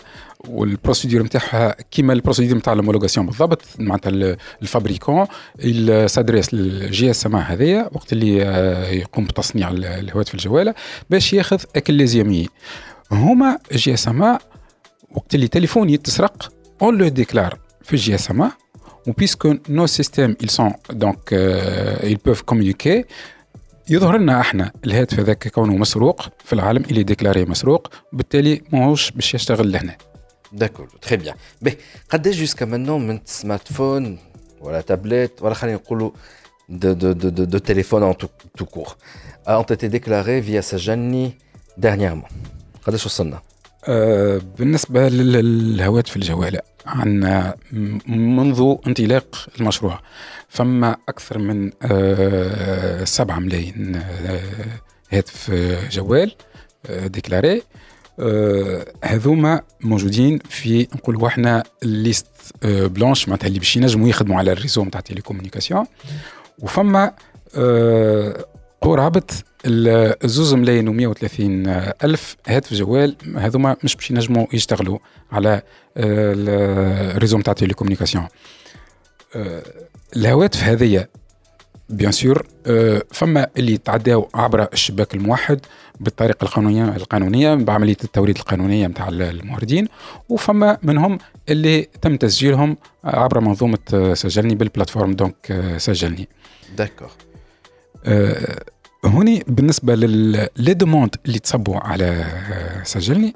وباش نعرج هنا على لي ريكلاماسيون وال ريكلاماسيون عاد عندي عاد عندي دي ريكلاماسيون. خلينا نساعة بور لي شيفر نترمي لا بارتي شيفر نعطيك الرقم نتاع دونك لي دوموند كي اون تي ديبوزي فيا سجلني هما مليون و 150 ألف و 765 مطلب هذوما مليون وقداش؟ مليون اي مليون و 150 ألف و 765 آه دونك آه مطلب تسجلوا آه معناها هذوما دي سمارت فون دي تابلت اون تيتي انسكري سور سجلني هذوما دي دوموند كي اون ايتي ديبوزي فيهم اللي اكسبتي وفيهم الريفوزي قداش فما اكسبتي؟ الاكسبتي هما 876 ألف اي و85 مطلب هذوما كي اون ايتي اكسبتي والبقيه ايزون ايتي ريفوزي استنى الأولاد أنتم الطيارات في المغرب حذايا أنا ما نعرفش نحسب. قداش معناها فم اون تيرم دو بورسونتاج 76% من المطالب تقبلت. 76 معناها؟ يا هلا الله معناها 15% كلهم يا مسروقين يا كونترفي يا كونترفاسون يا يا هما ديكلاري فولي استنى أكثر من 25% خمس أكثر من 25% مضروبين؟ فما قلت لك اللي هما أو بيان مسروقين والا فما اللي غلط آه، فما برشا معناتها من المطالب ترفضت على خاطر آه، معناتها فما خطأ في أو بيان نيميرو باسبور والا الدات دونتري آه، يغلطوا معناتها المواطنين في المعطيات هذيا. وبالطبيعة إدارة الحدود والأجانب يقول لي لا الشخص هذايا ما جاش ما سافرش في في التاريخ هذاك اي ديكو معناتها الدوموند نتاعو سورا ريفوزي باهي نبداو بالطلبات والأسئلة ساعات اللي تجيني أنا على البريفي وأنا بيدي ما نعرفش نجاوب على خاطرهم يسخروني تي اش دي أنا الفيزا في نتاع الناس الكل في التكنولوجيا لا خاطيني راهو. ميم سي نعرف شوية على اليمين وعلى اليسار لكن فما حاجات نجم نجاوب عليهم. فما واحد كلمني قال لي وليد راني ليا أربعة أشهر. التليفون لا نجمت نسكريه. نعملوا الانسكريبسيون تاعو في في سجلني. راني مشيت السيرت. راني تكلمت راني عملت راهو شيء راني حرت. تليفون راهو متبلوكي. سيدي ظهر لي حطيت كونتاكت معاه. وفي الآخر قلت لي شنو هي البروبليم اللي صار؟ فوالا لو بروبليم سي كو التليفون نتاعو هو هزوا المحل باش يقوموا بعمليه التسجيل. آه رغم اللي إحنا معناتها ذكرنا قلنا عملية التسجيل آه دونك الي بيرسونيل وانديفيدويل كل واحد يقوم بعملية التسجيل وحده. آه اللي صار سي كو آه فما عملية آه، تحيل وسرقة نتاع معطيات شخصية. آه، مش هو السيد مش مولى الهاتف اللي قام بالعملية هذه ولكن اللي آه، صب المطلب صب المطلب افيك دوتر انفورماسيون نتاع بيان سور نتاع شخص اخر معطيات شخصيه نتاع عبد اخر معناها بالعربي في عود السيد هذايا آه مانيش نذكر اسمه آه مسي بالخير. في عود يدخل على سجلني ويحط المعطيات نتاعو هو مشى السيد قال ربي قد لي قد لي انت سجله لي انت دونك السيد مشى نتاع عنده باسبور نتاع شخص مسافر ديجا ديرنيامون بويسكو كل واحد عنده الحق في خمسة يعني ماكسيموم في العام. آه، في العام خمسة وفي السفرة الواحدة آه، زوز هواتف. باهي دونك شا حط تاك تاتا تاك عبى بهم الخمسة. فهمت لا؟ بيان ايفيدامون السيد كوانس. كوانسوا له التليفون سجلني كوانسات له التليفون سي سا جوستومون هو معناتها خذا الكوتا نتاعو. وقت اللي جا هو باش يصب دي دوموند يلقى روحه كونه آه، مولا الباسبور. مولا الباسبور. آه. استكمل معناتها عدد الهواتف اللي يلزم آه، وعنده حق باش يسجلها. جاء معناتها إلى ريكلامي قال أنا ما سجلت دخلت الكل. وهذا أول أول هاتف باش نسجله والسيستم تاعكم معناتها. فيه في غالط فيه فاي بين له كونه معناتها فما خمسة هواتف تسجلت على الباسبور نتاعو. في عدة معناتها مناسبات.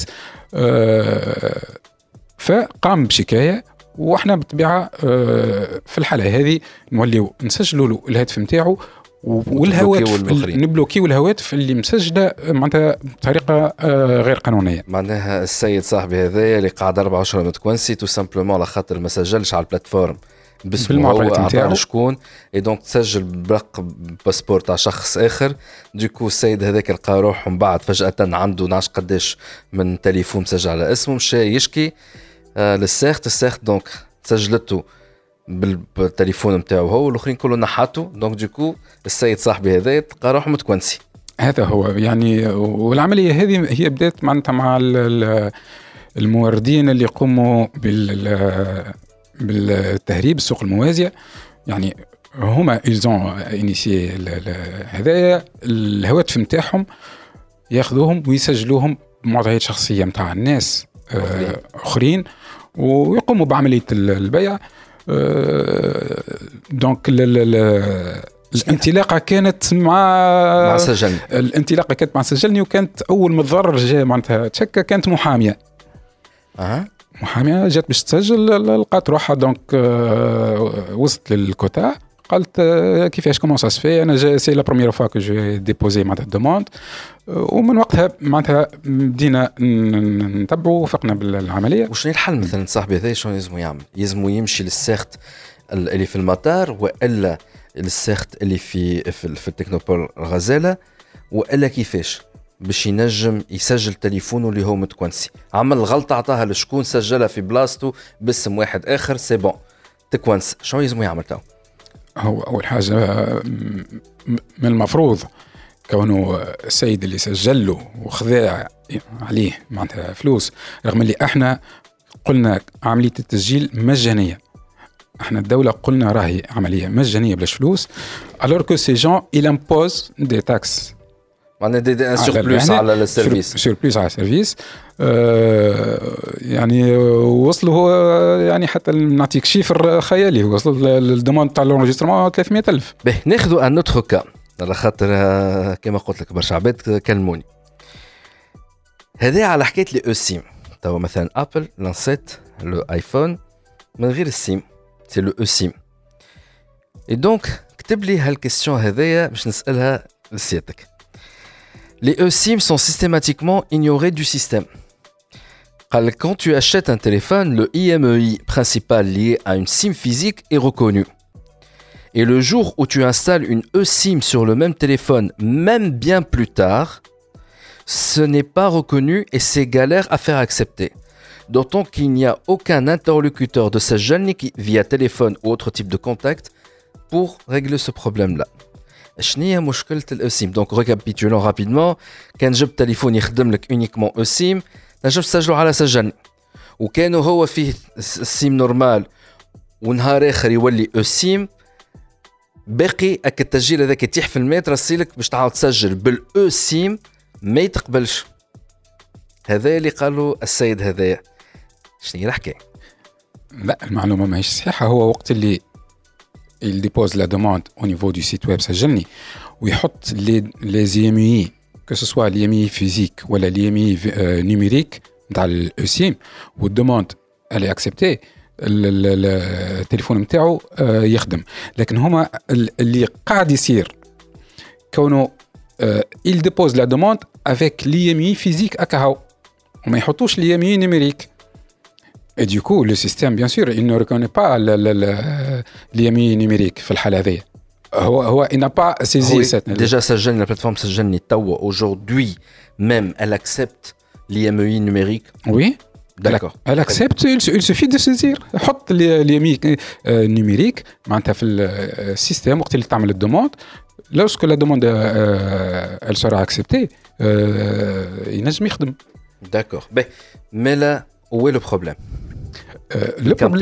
لو بروبليم فما برشا ل- قبل معناتها ما, ما يتم انطلاق سجلني برشا عندهم هواتف جوالة اللي فيهم الأسيم وهذوما ما قاموش بعملية معناتها إيداع مطالب آه على المنظومة. سجلني بالتالي السيستم ما يعرفوش اليمين نيميريك هذيك ما يعرفهاش. وقت اللي هما يمشيو للوبيراتور وياخذوا السيرفيس هذايا. السيرفيس نتاع الاسيم سي سيرفيس اوفير بار لي زوبيراتور مش بار سيرت مع العلم كونه لي زوبيراتور هما معناتها من ضمن الشركاء نتاعنا في ال- المنظومة هذه.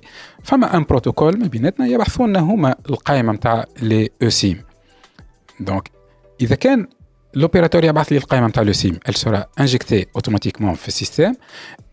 وبالطبيعه اليمي sera activée وينجم يستعملها؟ إذا كان ما تمش احترام البروتوكول هذايا هوني في الحالة هذه بالطبيعة السيستم مش باش يعرفها اليمي هو هو يبعثوا فيهم يقولوا لكم يمشيوا للسيرت لا ما يجيوناش المواطنين ما المفروض ما يجيوش للس- للسيرت على الاسيم على خاطر أما فما دي زوبيراتور يقولوا لي برا نمشي للسيرت من المفروض الاوبيراتور ما يبعثش للسيرت بالنسبة للكام تاع الاسيم هو عنده معناتها آه ما بين السيستم تاعنا والسيستم تاعو فما ان بروتوكول ديشانج دو دوني يبعث لنا هو كل زيامي هذوك من نيميريك اي ils seront injectés automatiquement في السيستم. معناها من اخره أنا نشري تليفون من عند ان اوبيراتور من عند حانوت في تونس. ونلقاه ما يخدمش. على سجلني. ما نمشيش نشد خناق آه، السيرت تقول لها السيرت؟ لا سجلني أنت. ساعتها يتحمل مسؤوليته الاوبيراتور ولا اللي شريت من عنده؟ ولا يرجع للاوبيراتور يقول له معناتها أبعث للسيرت وكان يشد. الصحيح يقول لا ما يهمنيش. أنا خاطيني أنا عملت خدمتي آه، مشكلة السيرت آه، مشكلة السيستم تاع السيرت. إيش عملنا؟ جا مليح. فما اون انتيتي وإلا بارتي وإلا ما نعرفش شكون نمشي نشكي لها باش نقول راهو لا لي بروسيدور سون دون لي نورم مي لوبيراتور ما يحبش يخدم خدمته. إحنا في الحالات هذه معناتها اللي نجموا نقوموا به ولكن ماهيش معناتها القاعدة. نجموا إحنا نكلموا لوبيراتور نقول له آه، آه، عندك معناتها ان كليون كي سي بريزونتي وانت عطيته فوز اوفير لو سيرفيس نتاع الاوسيم معاه أبعث لي فوالا أبعث لي مش خدمتنا لا ماهيش خدمتنا ماهيش خدمتنا. وش هي الحل؟ ولا مازال توا لازم تلموا تو لي تو لي بروبليم وتحاولوا تلقوا لهم حل وتردوهم بروسيدور سي سا لا البروسيدور هي موجودة ولكن الفو لا دي بروسيدور سبيسيفيك من هكا. نتاع أوكا دان بلوكاج اللي سيرت خدمت خدمتها مليان بلوكاج ادغوات يا غوش يا با مثلا نشكي اللي انت ولا نشكي فماش إحنا إحنا نزيدوا نسقوا مع الشركاء نتاعنا وخاصة لي زوبيراتور في لي كا هذوما لي كا سيميلير دو تيل فاسون اسكو المواطن السيتويان ما يقعدش معناتها ما بين لوبيراتور وما بين السيرت واحد هذايا إن شاء الله نقوموا به في القريب العاجل. باهي. ليش باش نذكر فماشي دوتر اكزومبل تحب تقولهم تاع موفيز يوتيليزاسيون تاع سجلني تاع عباد ما عرفتش كيفاش تسجل كا هكا معروفين. هي ديما اغلبيه لي دوموند اللي هما ريجوتي الأغلبية نتاعهم خطأ في يا أما جواز السفر وإلا في تاريخ الدخول. معناتها هذوما اغلبيه الأخطاء. ولكن فما كيما قلت لك حكاية ليتيليزاسيون فروديلوز نتاع لي دوني هذه اللي من الأول لكن توا نقصت برشا خاطر إحنا آه، معناتها وقت اللي اون ديتيكتي سو بروبليم حطينا تو لي لي معناتها تكنولوجيك نتاعنا ولينا معناتها لي دوموند هذوما يسون معناتها ريجيتي اوتوماتيكمون بالنسبة للكام تاع ليتيليزاسيون فروديلوز يبقى ديما نعول على المواطنين باش وقت اللي يجي آه، يصب الدوموند يثبت قبل ما يفاليدي الدوموند نتاعو يثبت في لي زانفورماسيون كي لا سيزي كو سوا من النيميرو باسبور ولا من الدات دونتري ولا حتى من اللي يمي بيدها خاطر برشا مرات الدوموند تبدأ اكسبتي ومولا الهاتف يجي يقول لا التليفون ما يمشيش. نثبتوا نلقاوها اللي يمي بيدو غلط فيه سي عبد الكريم رابيدمون وين الناس نجموا يلقاو لي غيشي نتاع السيرت على خاطر اللي في تونس خطوة معناها يمشيو المطار ولا يمشيو تكنوبول غزاله مي اللي يسكن بعيد شنو يعمل؟ إحنا البريزونس نتاعنا عندنا لي بيرو فرونتاليي عندنا في آه، مطار تونس آه، كرتاج بيرو فرونتاليي عندنا آه، كيف كيف في مطار المنستير البريزونس نتاعنا موجوده غادي فما كذلك في مطار جربة وعندنا في لاجونس ريجيونال نتاعنا في صفاقس عندنا ان بيرو غاديكا فرونتاليي معناتها لي سيتويان يبوف سادريسي لواحد من لي بيرو هذوما. بيان سور مع الجيشي يونيك اللي موجود في البارك تكنولوجيك الغزالة. وزاد فما في شيت الحدود مثلا مع الجزائر وين الحدود غاديكا؟ ولا ما تلقاش؟ لا غاديكا با بور لو مومون لا با داكور تري بيان جو بونس كو تو اي كلير دو تلي فاسون اللي يحب ياخذ أكثر معلومات سوا يمشي للسيت نتاع سيرت سي أو ار تي تي إن ولا يدخل على سجلني إس آ جي. بعد الحرف اللي بعد. آ ولا أو ا آه. سجلني. إل إن إي. عاود قولها بالكامل أمان. ألور سجلني إس آ جي آ إل إن إي.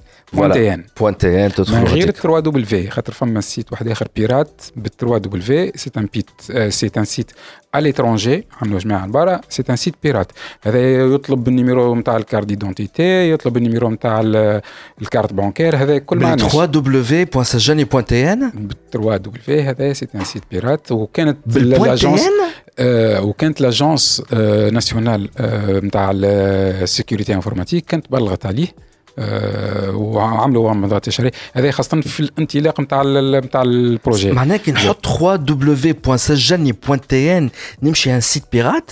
اكتويلمون إحنا وعملنا ولا إلى ريديريجي للسيت نتاعنا لكن من الأول كان ان سيت آه ما عادش توا. تويكا ما عادش آه، نقصت لكن فما كيلك ساعات يتعدى للسيت بيرات. كي يحط 3 دبليو كيفاش نجم نعرف روحي أنا سور لو بون سيت نون با لو سيت بيرات إحنا ما نطلبوش لا بطاقة تعريف لا كارت بانكير لا اسم لا لقب اونيكمون لي زانفورماسيون نتاع التليفون. دونك لي ام 1 و 2 نيميرو دو سيري لا مارك لو موديل نتاع التليفون. اي بوي نيميرو دو باسبور الدات دونتري والبي دوريجين نتاع الباسبور. هذم هما المعطيات اللي نطلبوهم. داكور دونك لا عندنا لا اسم لا لقب لا نيميرو نتاع كارت كما قلت لك ايدونتيتي لا كارت بانكير هذوما كل ما ناخذهمش داكور تري بيان جو بونس تو كل شيء واضح دو فاسون كان عندكم مشاكل تنجموا تصلوا بالسيرت بيرو تاع سيرت في المطارات الكل في المواني الكل آه والا في لا في المواني لا. في المواني مش موجودين في المطارات. به في المطارات سينو تمشيو كان سهرة آه، بي الشلاء في البيو ريجيونال نتاع سيخت في صفاقس سينون تمشيو للكيشي يونيك نتاع سيخت في تكنو بارك الغزالة. Si Abdelkrim Chamem, directeur du guichet unique, certes, merci beaucoup d'avoir accepté notre invitation et toutes ces informations à la tête Si Ahmed Rabi, directeur coopération et marketing, certes, merci beaucoup d'être venu au facette Nashota certes. Inch'Allah, on fera une visite, certes, on a un petit reportage là-bas, on a les services, les autres services, certes, par l'ouverture d'un nouveau euh, laboratoire, Inch'Allah, fi euh, Aoul ou la fi Wust Alfin, 23 Inch'Allah. en tout cas, merci beaucoup et à très bientôt. DJ Club. Topnet, quoi Connexion, les Very Fiber People. Huawei, au service de la Tunisie depuis 1999. رجعنا معكم في دي جي كلوب وتوا موجودين مع وصال عسكري كي اوبريشنز مانجر دو فيوتشر ايلاندز اي شيف دو بروجي سي سي دي فور تونيزيا وعبير التركي كي كوميونيكيشن اند ماركتينغ اوفيسر دو فيوتشر ايلاندز عسلامة البنات مرحبا الوغ دونك باش نبدا بيك انت وصال كان تقدم لنا فيوتشر ايلاندز شنو تعمل بالضبط؟ باهي Alors, Future Island, c'est un laboratoire d'innovation. Euh, on est aussi défini comme étant un incubateur d'innovation ouverte, itérative ou centrée sur l'utilisateur final. Euh, on assure plusieurs euh, activités au sein de Future Island. On a la facilitation d'ateliers collaboratifs.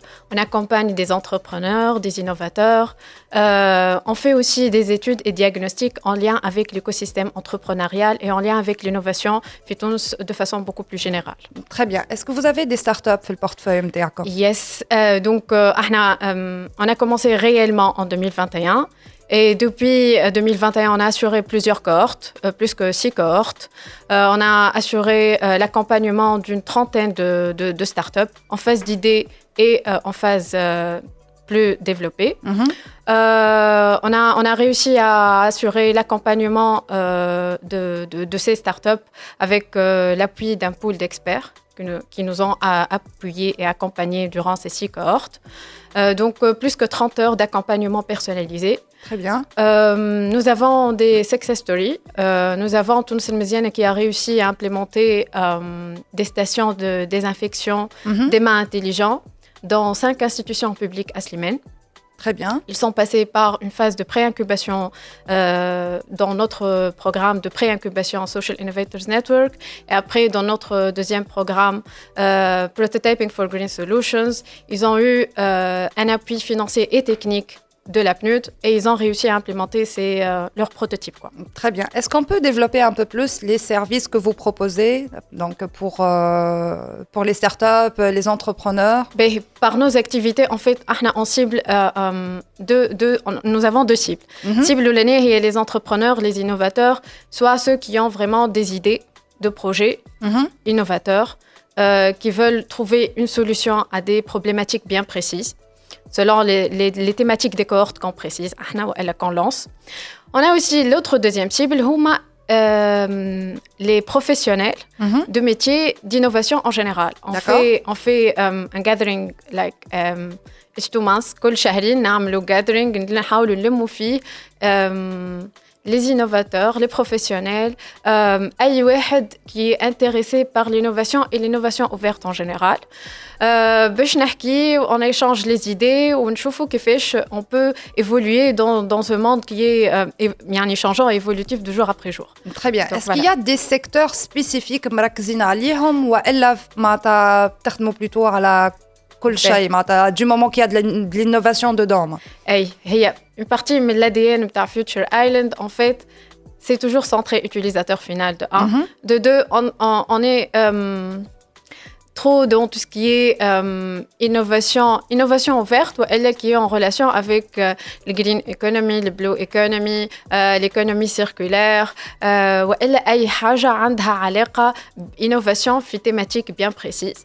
on est un peu يعني on choisit les thématiques de nos cohortes selon soit حاجه صايره في البلاد والا مشكله صايره كيما مثلا بيريود الكورونا والا اوتر دونك اون ا لانسي ديفيرونت كورت اول كورت لانسي دايوغ في مارس 2020 فوالا سي vous avez une solution communautaire للمشكله نتاع الكورونا في البيريود هذيك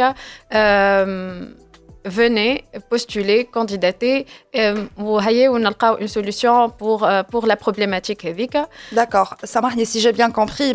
Du moment que euh, la personne peut proposer une solution je vais dire entre guillemets, d'intérêt, elle répond à un mm. intérêt général, vous, vous êtes preneur, c'est ça On est preneur, oui, c'est vrai. خاطر كما قلت لك أول واحد كان وقتها في الكوفيد والحاجة الأخرى اللي j'ai apparemment j'ai zappé de, de le dire que احنا on travaille en ligne, on est 100% en ligne. D'accord. كل واحد أصلا من team members il est basé في في بلاصة معينة في تونس.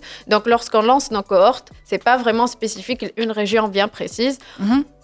عندك une solution elle répond aux critères prédéfinis le lancement du col Vas-y, le fait que un smartphone ou un PC ait une bonne connexion, tu peux avoir accès à nos, à nos différentes euh, sessions d'accompagnement, de, de, de peer-to-peer sessions, ou de sessions de co-création. Il y a le point fort vraiment nos, nos différentes cohortes qu'on a déjà lancées depuis le début. Très bien. Pour euh, clôturer cette partie présentation, euh, la prochaine cohorte, est-ce qu'elle rentre comme déjà une idée, ou les thématiques, ou elle a on cogite encore. Alors, on est dedans, dans, un, dans une cohorte qui est euh, challengeante euh, à la برشا نواحي دونك قلنا نسكروا هذيا وبعديك on a quelques idées mais mais on est encore en train de cogiter Inch'Allah ça va être en 2023 si on va lancer la prochaine cohorte très bien Abil Est-ce que tu as quelque chose à ajouter à ce sujet euh, Comme on a dit, la cohorte qui est CCD for Tunisia,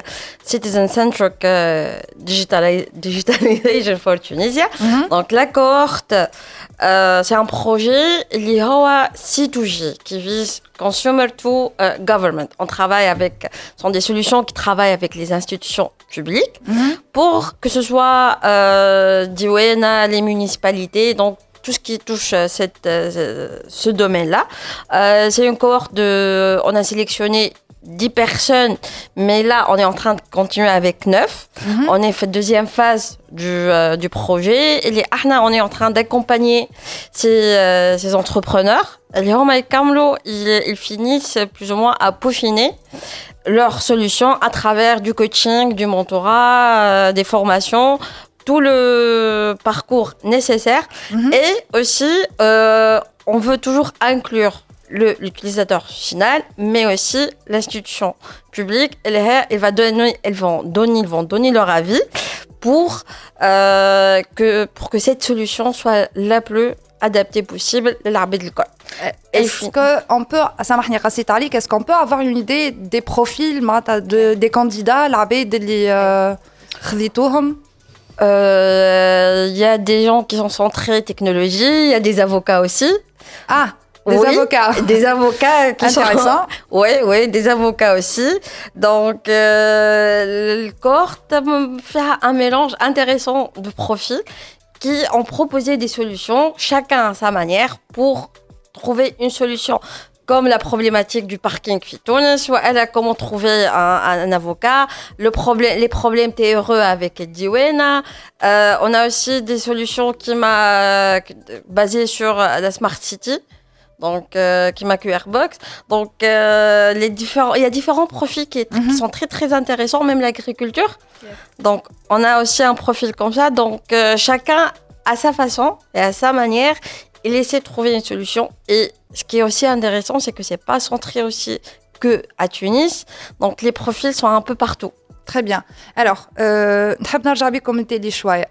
وقتاش بديت الكورت exactement qu'est-ce qui vous a éventuellement poussé à choisir cette thématique là معناها نحب نفهم الحكايه كيفاش بديت من الاول thématique كيفاش كيفاش اخترناها احنا اونكو جيت ياسر اون انترن قبل ما اون لانس اون لانس كورت و افون دو لانسي احنا يوزر سنترد ديزاين وديما خرجوا كيما جونغ دو دو فورمولير ولا نيت اسسمنت للكوميونيتي نتاعنا شنو ما حسب رايكم آه لي كريز اللي موجودين في تونس توا والا باش يصيروا دون لي ديزون 3 5 ans دونك آه الهايلايت كان الكبير على مشكله لا ديجيتاليزاسيون آه que ce soit des services publics ou des institutions publiques ou les صاير في تونس pour le moment.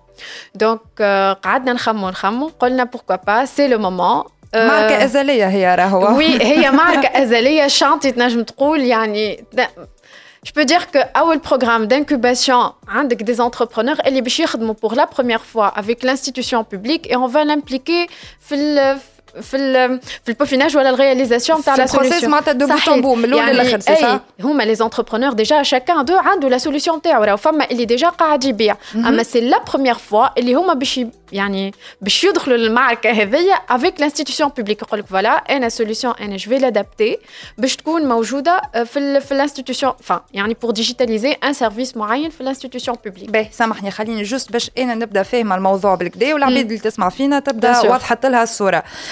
دونك هوني l'idée, c'est de, euh, euh, de, de, de, de, rassembler ces gens-là, l'IDAR, on va dire. Disons.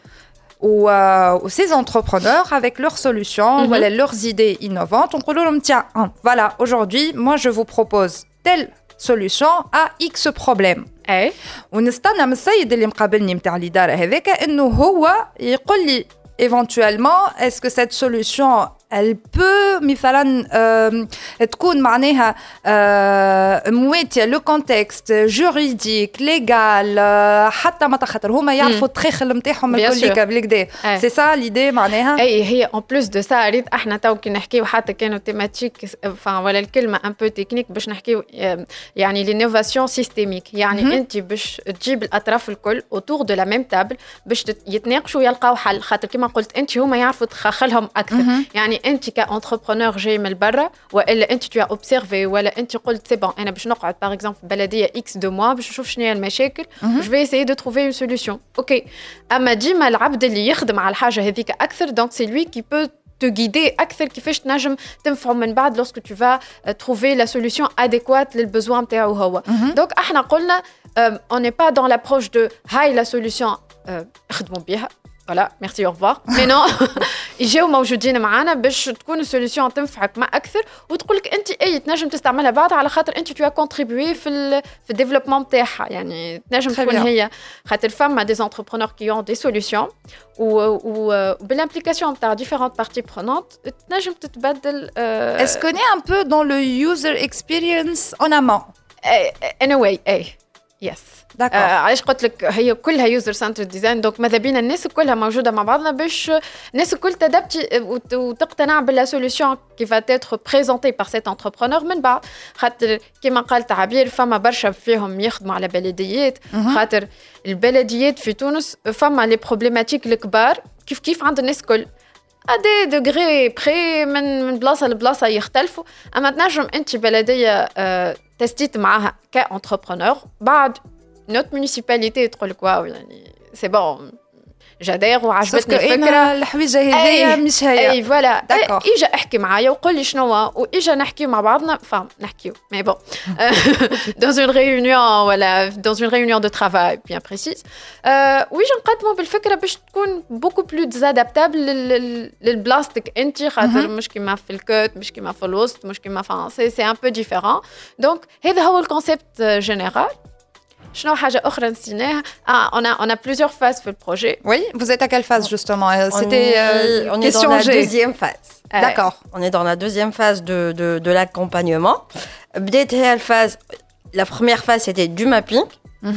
Donc, شنو تقصدوا بالمابينغ ساعة للعباد ما تفهمش سي لا فاز سيليكسيون معناها لا لا لا المابينغ ان فيت سي لا فاز دو كارتوغرافي احنا في تونس الناس كلهم يسمعوا فينا توا اللي عندنا problème كبير نتاع data. Donc Mhm. lorsque tu veux chercher des statistiques bien précises باش انت تبني عليهم اي حاجه Mhm. tu trouves une certaine difficulté باش تلقى data.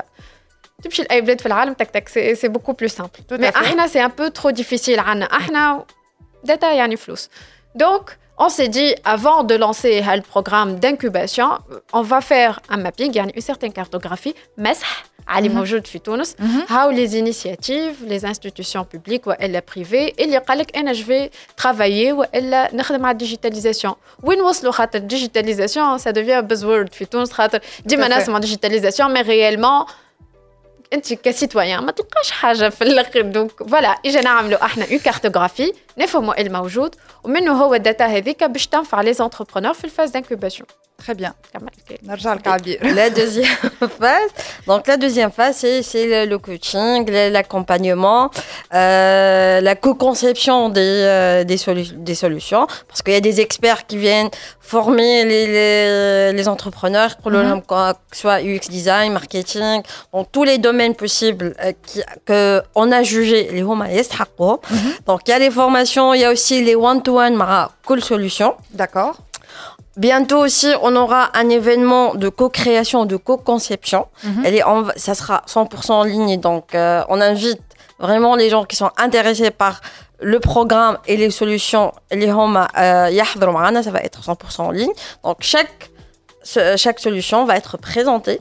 Les gens intéressés par cette solution soit euh, du secteur public ou à des citoyens ou à des utilisateurs.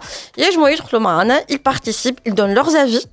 L'entrepreneur en question va présenter sa solution, il va demander l'avis, chacun va donner son, euh, feedback, et ça va donner une chance intéressante qui l'arbre DV, puis teste le produit, je chauffe si ça marche ou pas avant de lancer et d'aller vers la dernière phase, elle est digital fait. Mais c'est la phase qu'on juge qui est très très importante et on est très très focus sur ça. Mhm. Toutes les informations seront disponibles sur ou bien la page Facebook ou bien LinkedIn de Future Islands. Sinon, l'autre page, elle s'appelle, euh, c'est la page du CCD. D'accord. Donc يدخلوا CCD for Tunisia كاملة هكاكا يكتبوها. Euh, يدخلوا Future Islands, ils vont trouver tout ça. Sinon, إذا باش ما نتعبوش العباد باش يدخلوا برشا باجات. Future Islands يلقاو فيها euh, toutes les informations nécessaires. Il y aura un formulaire يتعمر. Après, احنا on contacte les gens Mhm. en leur donnant euh, les codes d'accès باش يدخلوا euh, parce qu'on utilise euh, C'est un peu les- comme des- une espèce de session Zoom. Donc ياخذوا Eh, les codes d'accès. Ouais, ياخذوا les وباش codes ي- d'accès, il sera présent واحنا نكلموه نقولوا له وقتي وكيفاه tous les détails nécessaires. Et la phase finale. La phase finale, en fait, phase finale هي هي digital fair المعرض الرقمي si on veut dire. مرة أخرى نعاود نلموا الناس الكل أما dans une session euh, collective الناس الكل فيها.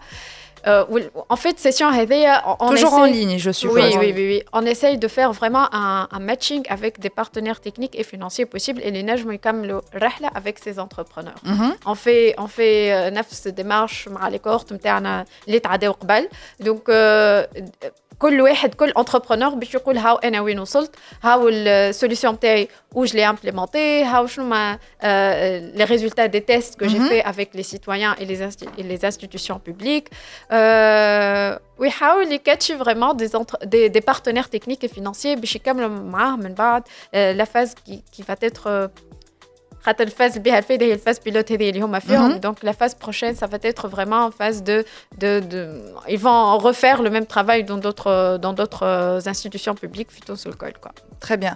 Abir, quelque chose à ajouter Donc, euh, on tient à remercier nos partenaires pour, euh, pour ce programme. Euh, GIZ, Digital Transformation Center for Tunisia, euh, Social Innovator Network ou Future Islands, اللي هما كل تعملوا مع بعضهم pour donner naissance à ce programme. Très bien. وصال نخلي لك كلمة الختام. Merci beaucoup pour l'invitation. Donc, يعيشك. كلمة الختام هي euh, j'invite euh, vivement à, euh, à faire partie de nos euh, événements de co-création. Comme disait Abir tout à l'heure, suivez notre page Facebook de Future Island, voilà Social Innovators Network. Vous allez trouver toutes les informations concernant les entrepreneurs et les deux sessions. Merci. Très bien. يعيشك لالا. كان هذا كل شيء في دي جي كلوب اليوم نتلاقاو المرة الجاية. دي جي كلوب وفات اليوم تنجموا تعودوا تسمعونا على ساوند كلاود اي تيونز جوجل بودكاست وأنغامي برعاية TopNet, quoi connexion, les Very Fiber People. Huawei, au service de la Tunisie depuis 1999.